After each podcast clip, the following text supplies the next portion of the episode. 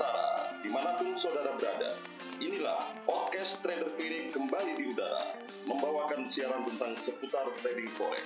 Saudara pendengar, saya Didi Trader Clinic, selamat mendengarkan dan tetap merdeka. Halo warga, kembali lagi bersama Papa Didi di podcast Trader Clinic ya, sebuah podcast yang selalu ngebahas tentang psikologis trading ya. Kenapa selalu ngebahas psikologis trading? Ya karena memang itu yang paling penting ya. Psikologis trading itu menyumbang 70% dari kesuksesan trading.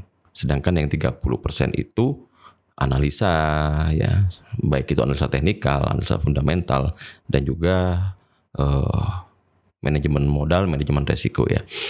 Tapi sebenarnya sih manajemen modal dan manajemen resiko itu masuknya ke ranah psikologis trading ya. Karena memang kaitannya itu eh, dengan mental kita gitu ya. Nah, untuk uh, materi yang akan dibahas kali ini adalah ritual pra trading yang bikin Anda fokus ya. Hmm, ritual ya. Jadi gini, saya mau kasih sedikit logika ya untuk teman-teman pikirkan. Gini, teman-teman. Apakah seorang atlet renang itu memenangkan medali olimpiade dengan cara melompat dari tempat tidur langsung masuk ke kolam renang? Ya kan tidak seperti itu.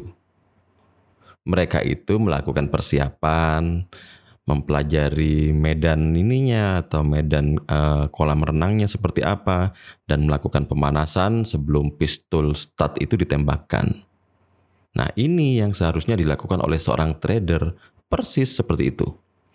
Jadi maksud saya begini, trader itu bukan harus pakai pakaian renang yang ketat ya, bukan, bukan seperti itu. Tapi lebih ke bagian persiapannya. Nah, dengan uang nyata yang teman-teman pertaruhkan, teman-teman ini harus melakukan semua yang sekiranya teman-teman bisa untuk mengidentifikasi peluang yang menguntungkan bahkan sebelum teman-teman ini masuk area trading. Ini yang namanya rutinitas pra trading. Sebagai permulaan nih, teman-teman boleh meninjau aksi harga sebelumnya. Fungsinya apa? teman-teman nanti akan memiliki gagasan yang lebih baik tentang tema pasar saat ini dan ke mana kemungkinan harga itu akan bergerak. Dan teman-teman juga boleh membaca semua yang teman-teman bisa dapatkan tentang pasar dan aset yang akan teman-teman tradingkan pada hari itu ya bisa ngambilnya dari Twitter ya, dari eh, blog-blog tentang finansial, CNBC atau Market Daily Bulletin Trader Clinic. Nah, itu juga bisa. Teman-teman harus tahu apa yang terjadi sehingga uh, nantinya teman-teman ini nggak dibutakan oleh ya rilis data ekonomi semata ya. Dan juga menandai level teknis utama juga merupakan kebiasaan yang kuat untuk dibentuk. Maksud saya begini, Bagaimana lagi teman-teman akan tahu ketika suatu aset mengembangkan pola grafik atau berada di dekat zona beli dan jual yang signifikan? Nah, jika teman-teman belum melakukannya, eh, teman-teman juga harus mempertimbangkan untuk memulai ritual pra-trading ya.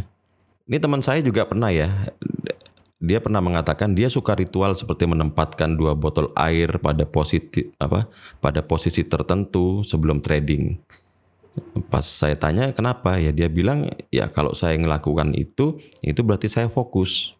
Nah ini seperti itulah uh, ritual pra trading itu. Jadi apa aja yang sekiranya bisa bikin teman-teman fokus lakukan.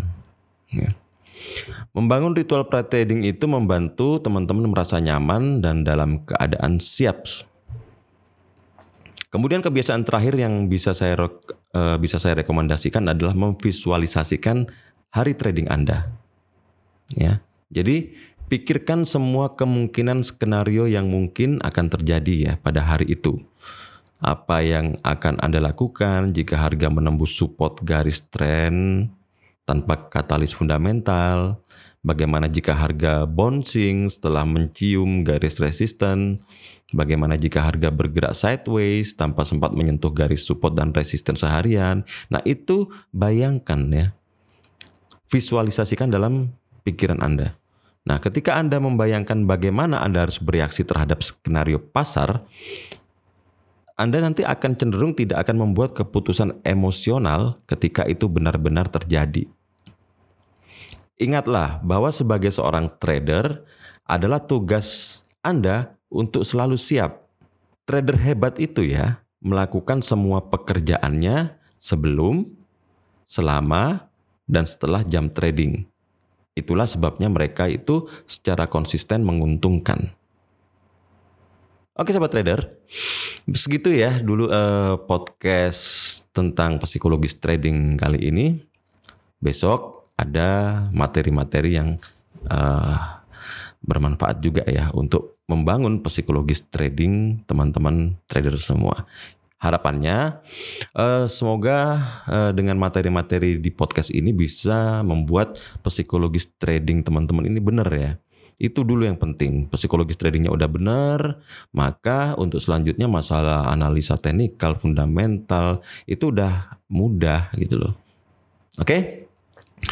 Yang belum follow, uh, follow ya podcast Trader Clinic di Spotify ya supaya nanti teman-teman bisa mendapatkan update ya terbaru jika nanti ada podcast-podcast terbaru dari Trader Clinic. Oke.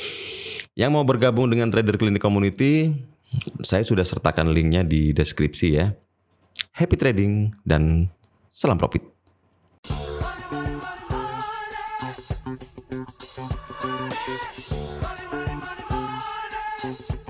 Thank you.